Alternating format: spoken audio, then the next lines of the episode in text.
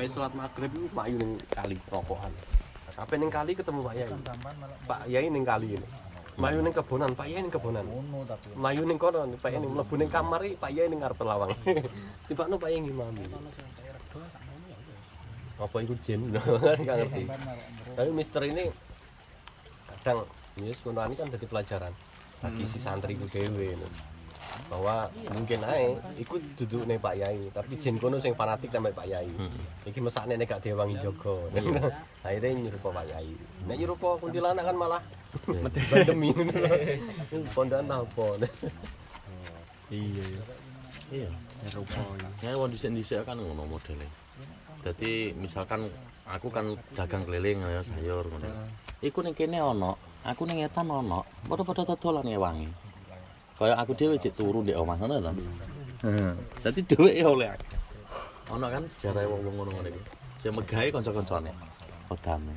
aku dhisik sik cilik ya sak sapa ya sak niki niki magrib adan wong-wong wis komat aku ini ngarepe iki kok nggone iki lho pot-pot kang ini kene nek kembang mawar aku nyambung kembang mawar itu teko mburi aku tak wasi gene wonge mlayu aku gak mlayu ning langgar mulai aku iku pas magrib wong komat ya?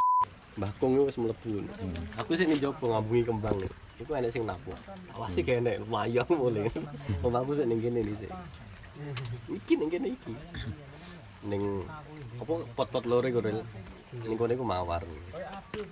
Yo nek nek nek iku kan dua tanduk setan. Apa jenenge? Samar wulu kan. Sing paling awake dhewe beraktivitas kurang baik wis ning kene iku samar wulu. Samar Hulu. waktu sahur iku sini metunya. Iya. Oh ya salah. sahur. Mepet-mepet.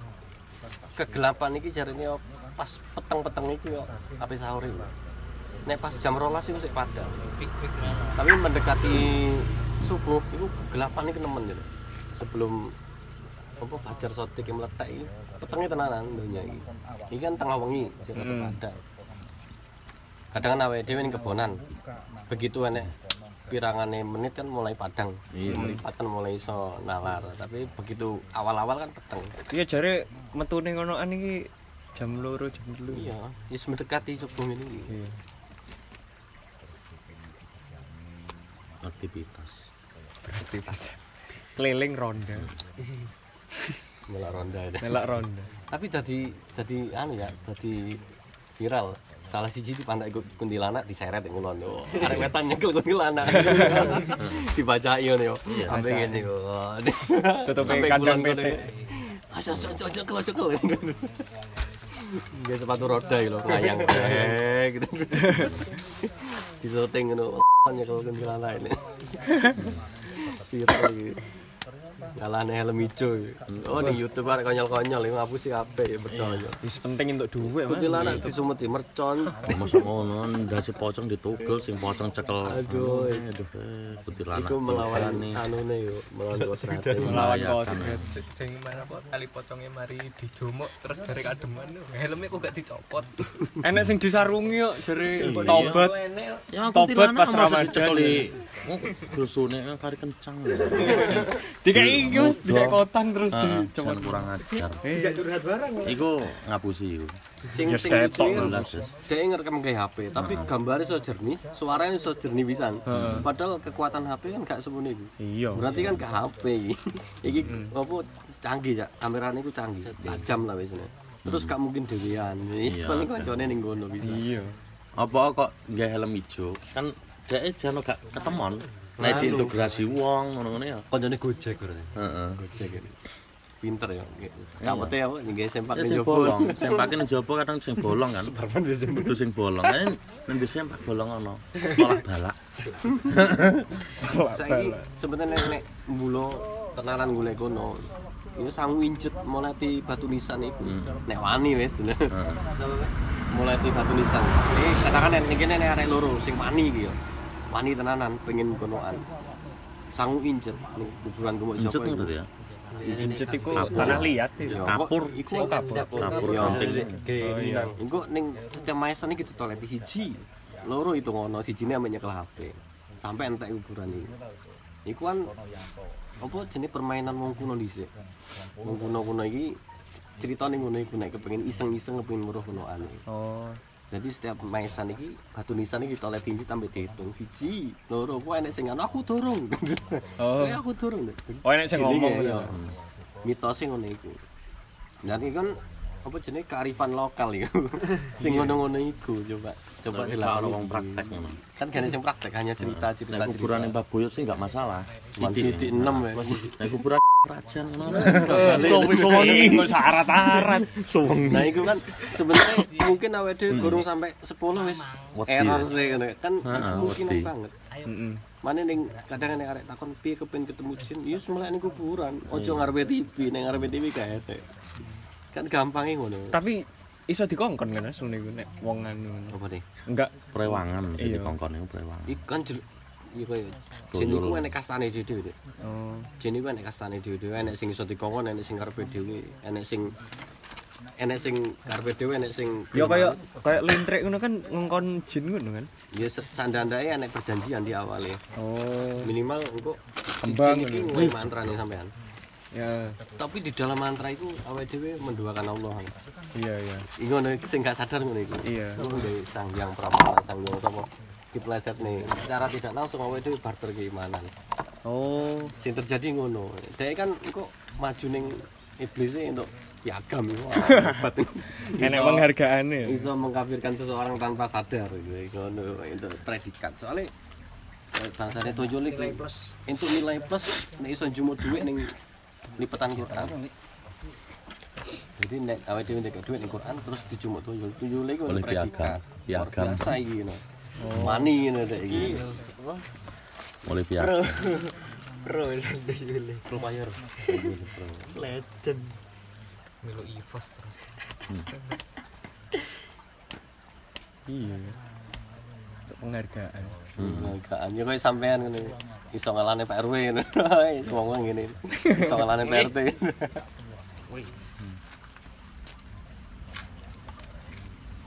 Tapi kono iku kemungkinan alam kono iku gak koyo awake dhewe. Nah, awake dhewe ngobrol ya. Awake dhewe kan pernah cerita ojo ngobrol ame kuntilanak ini gak enak. Apa rondan gak enak.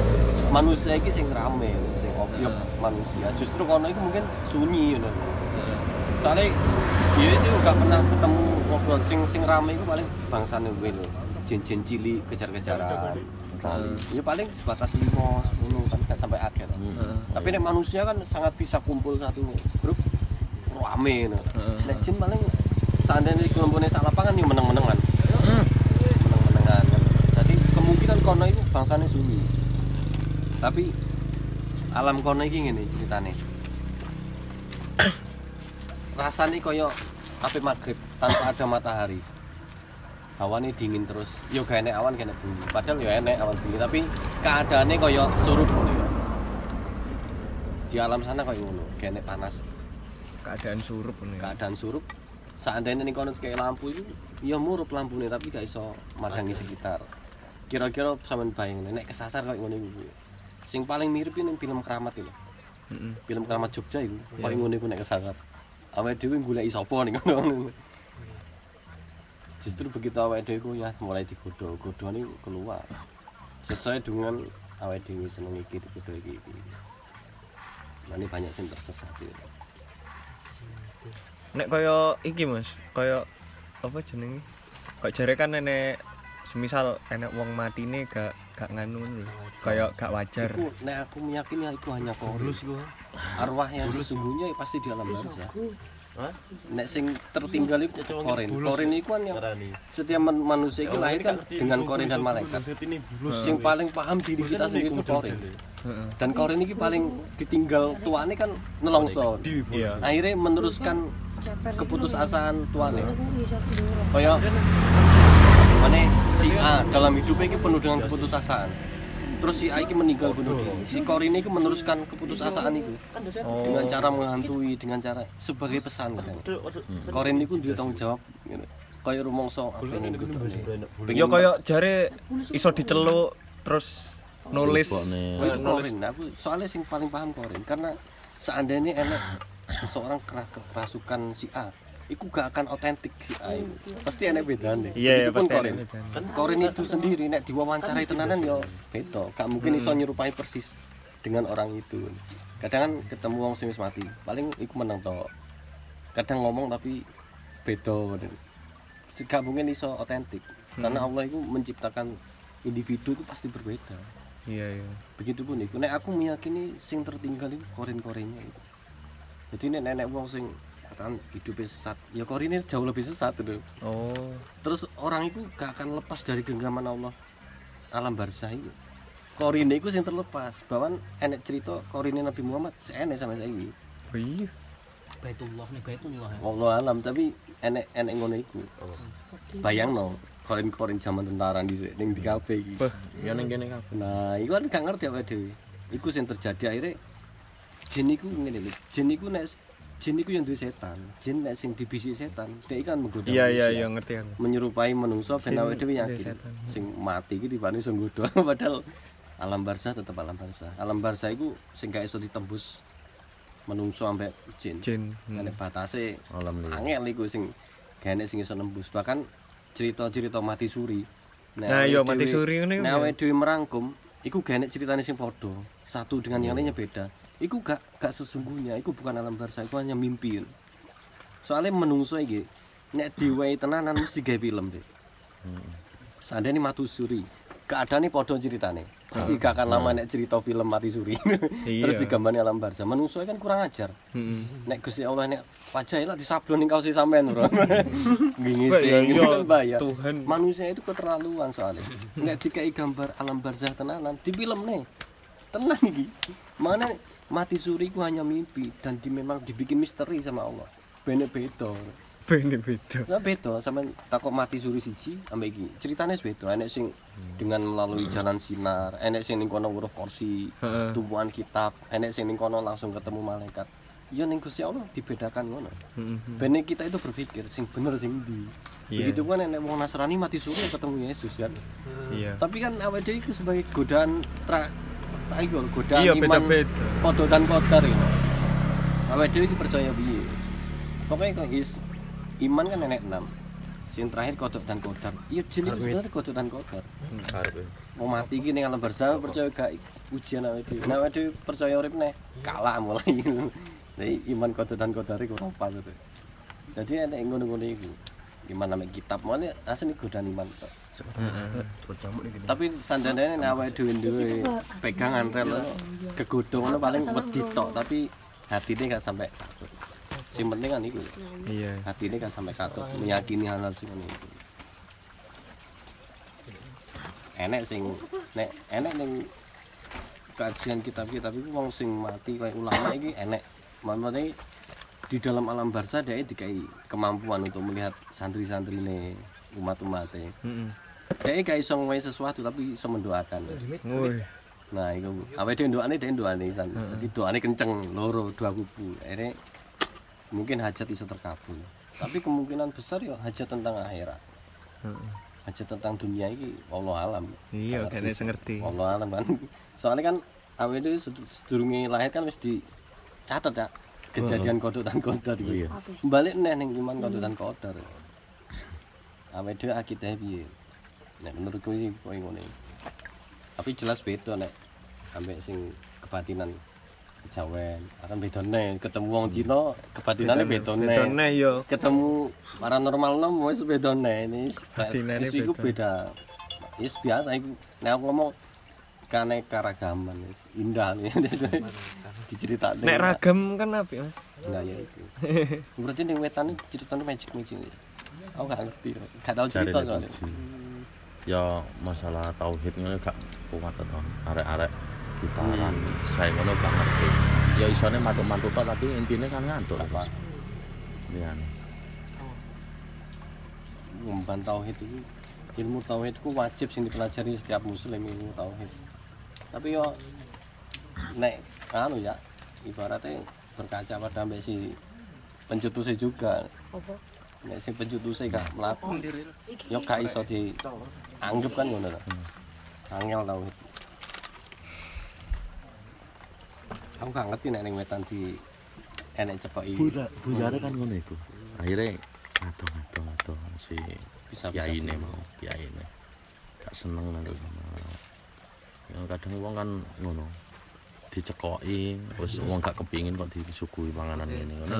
Malah moh malah mau menghindar akhirnya eh sonten nek ketemu ning omah wis mesti disuguhi kopi tok ngono ning omah wis ngombe banyu putih ceritanya iku ketok ya heeh Iya masuk. Nek dukun-dukun iki apa mesti ajanane iki kopi kopi hitam. nggawa kopi ya Ya enggak maksudnya ya sik le omben kopi musik kadang kan. Oh, iku saking basa-basi omongan.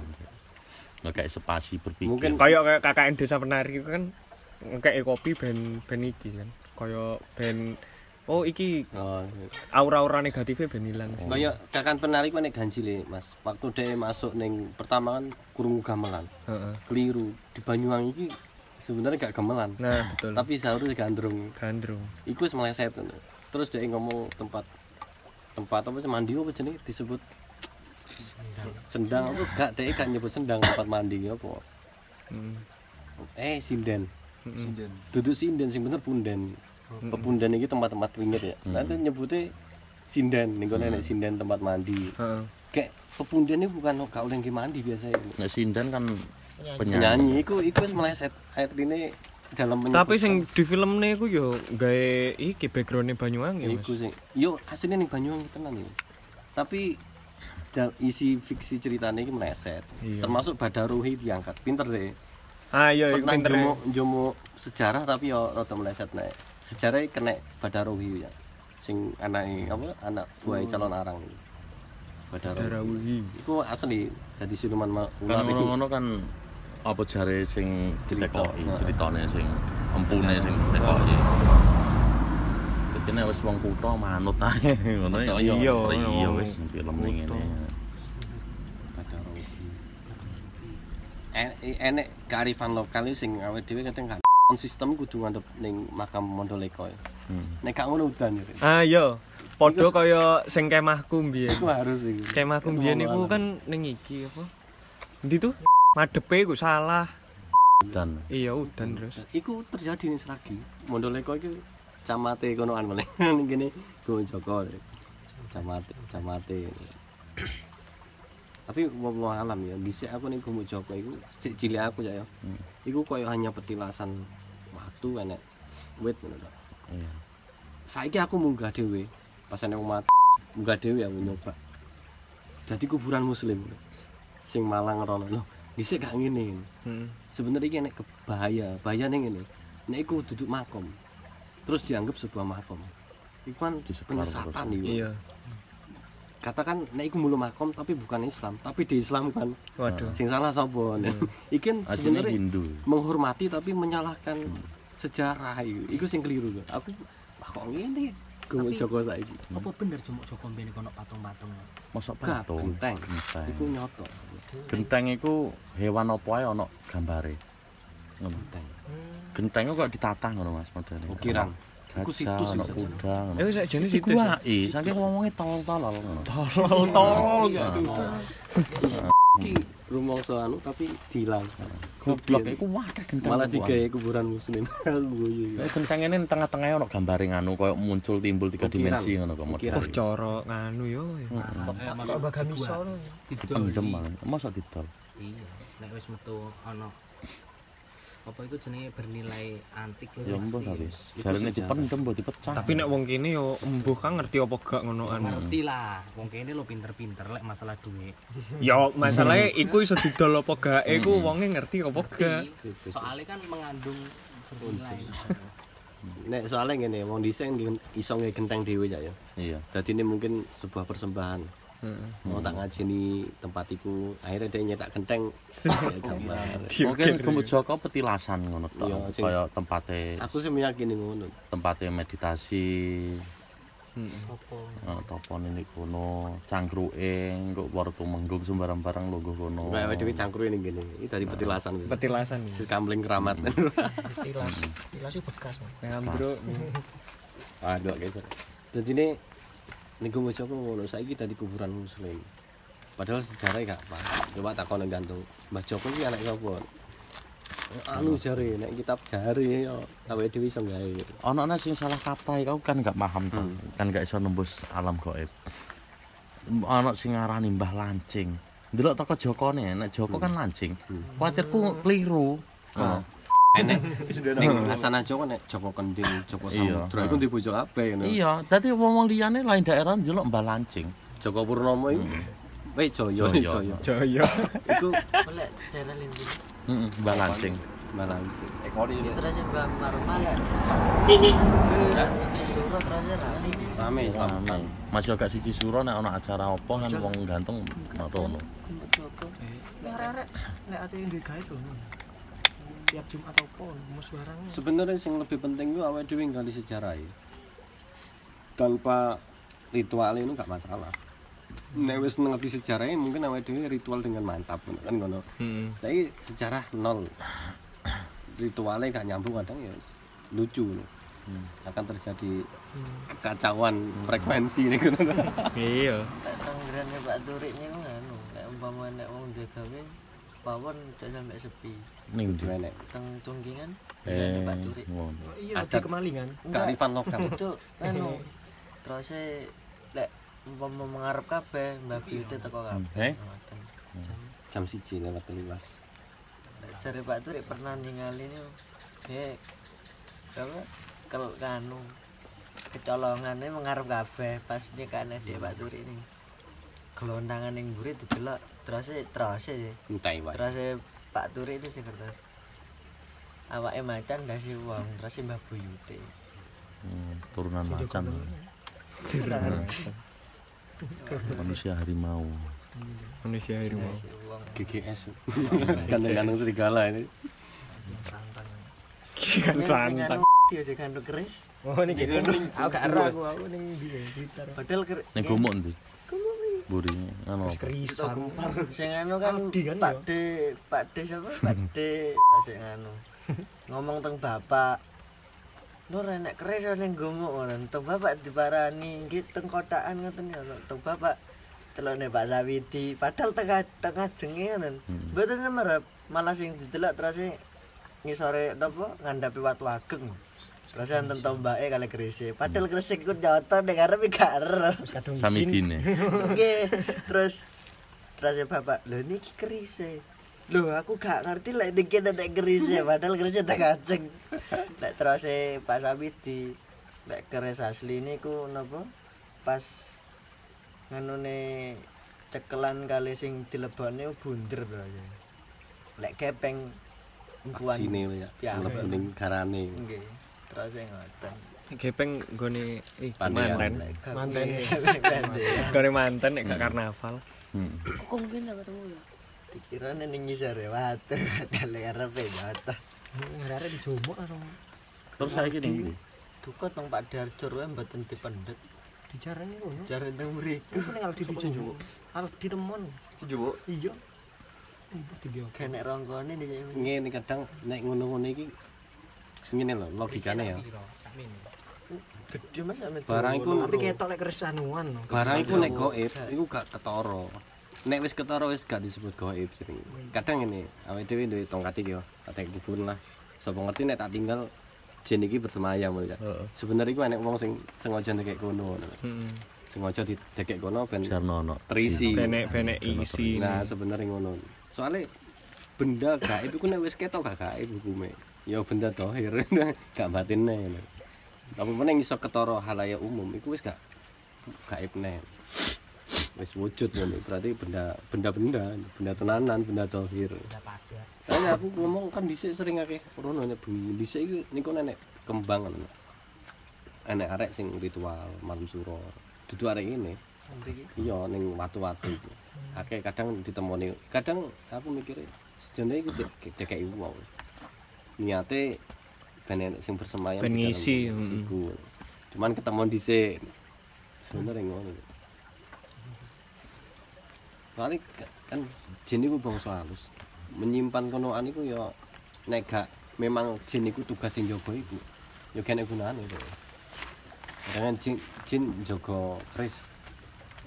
Terus keris iki gak hubungan ambek jin iku dhewe. Ya kayak gak mungkin kecuali jin iku memang dhisik ditugasi jogon kerisku akhirnya jen iku njogo keris ben gak ketok.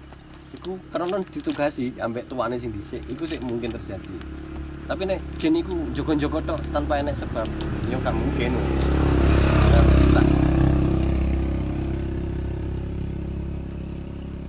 Tapi nek ning kampung kan cerita-cerita ngono sik akeh. Mau ning kota ae akeh tiap gang iki nek tunggune dhewe-dhewe. Ning kota iki terjadi ngono. Ini Indonesia itu apa jenenge? Cara ber- berpikir sik akeh mitos legenda. Soalnya ya kerajaan wis Kerajaan. Mas, ngono. Hmm. si anu lah sik kental iki. Kental ya malah kerajaan. Kok bubar kan saya bikin wis mari kan kesel aku ini ning Surabaya kesel ditakoni Banyuwangi. Banyuwangi ono ini Mas iya saja Nek Intinya podcast. tekok apa ae? Hah? Entuk tekok sing mesti tekok. pertama itu pasti santet pertama wis wis bubar kabeh ya Terus ngomongin sampean piye jawabane sampean? Hah? ya ning Banyuwangi nek pengen pengen eruh ta Banyuwangi nanti santet. Niki di santet wedi moh wong diakui santet. Kan ngono. iya mertakne Cuman budaya iku nek iso aja dielek-elek lah ngapusi ngono iku bahaya. Nek awake dhewe sebagai wong Banyuwangi ngono lho. Nek tak kaya wong lho gak ono santet iku ngapusan ngono iku kan citrane wae lho kan. padahal santet itu gak Banyuwangi tok di luar Banyuwangi ya banyak kediri rodok Iya kan calon orang ning kono iku enek. Bali Calon orang. Kediri. Calon orang itu dari Kediri. calon arangnya the kediri spot itu Melayu ning Bali. Sing melayu ning Bali ki anak buahe termasuk pada Raudu iku sing gak sampe ning Bali ning Mm-mm. Puncak Raung. Puncak Puncak Raung iki Gunung Raung itu. matine karo sapa calon orang Di anu diserbu dan kerajaan. Di bumi hanguskan, tapi ning kono sih enek bekas petilasan omahe pura-pura ning calon arang. Heeh. Ning wong Bali dibangun. Iku sebagai situs. ning wong kene mau ngakoni. iya Kediri. Calon arang ini pemuja ilmu hitam. ilmu hitam Hasanah budaya, ini awak dhewe kearifan lokal. kearifan Kearifan lokal. Gemarang di wisata religi Gemarang. eh jeneng Gemarang apa? Asline Gemarang, Gumarang apa Gemarang. Nek aku ngerteni Gumarang ki ana ya ning bahasa Sanskerta. Heeh, kumo. Gumarang ki ana. Gak penasaran nek- iku Apa? situs iku Situs nih. Ngene di Salim sing enek pertahanan niku jarine mau. Ayo tak delok. Aduh.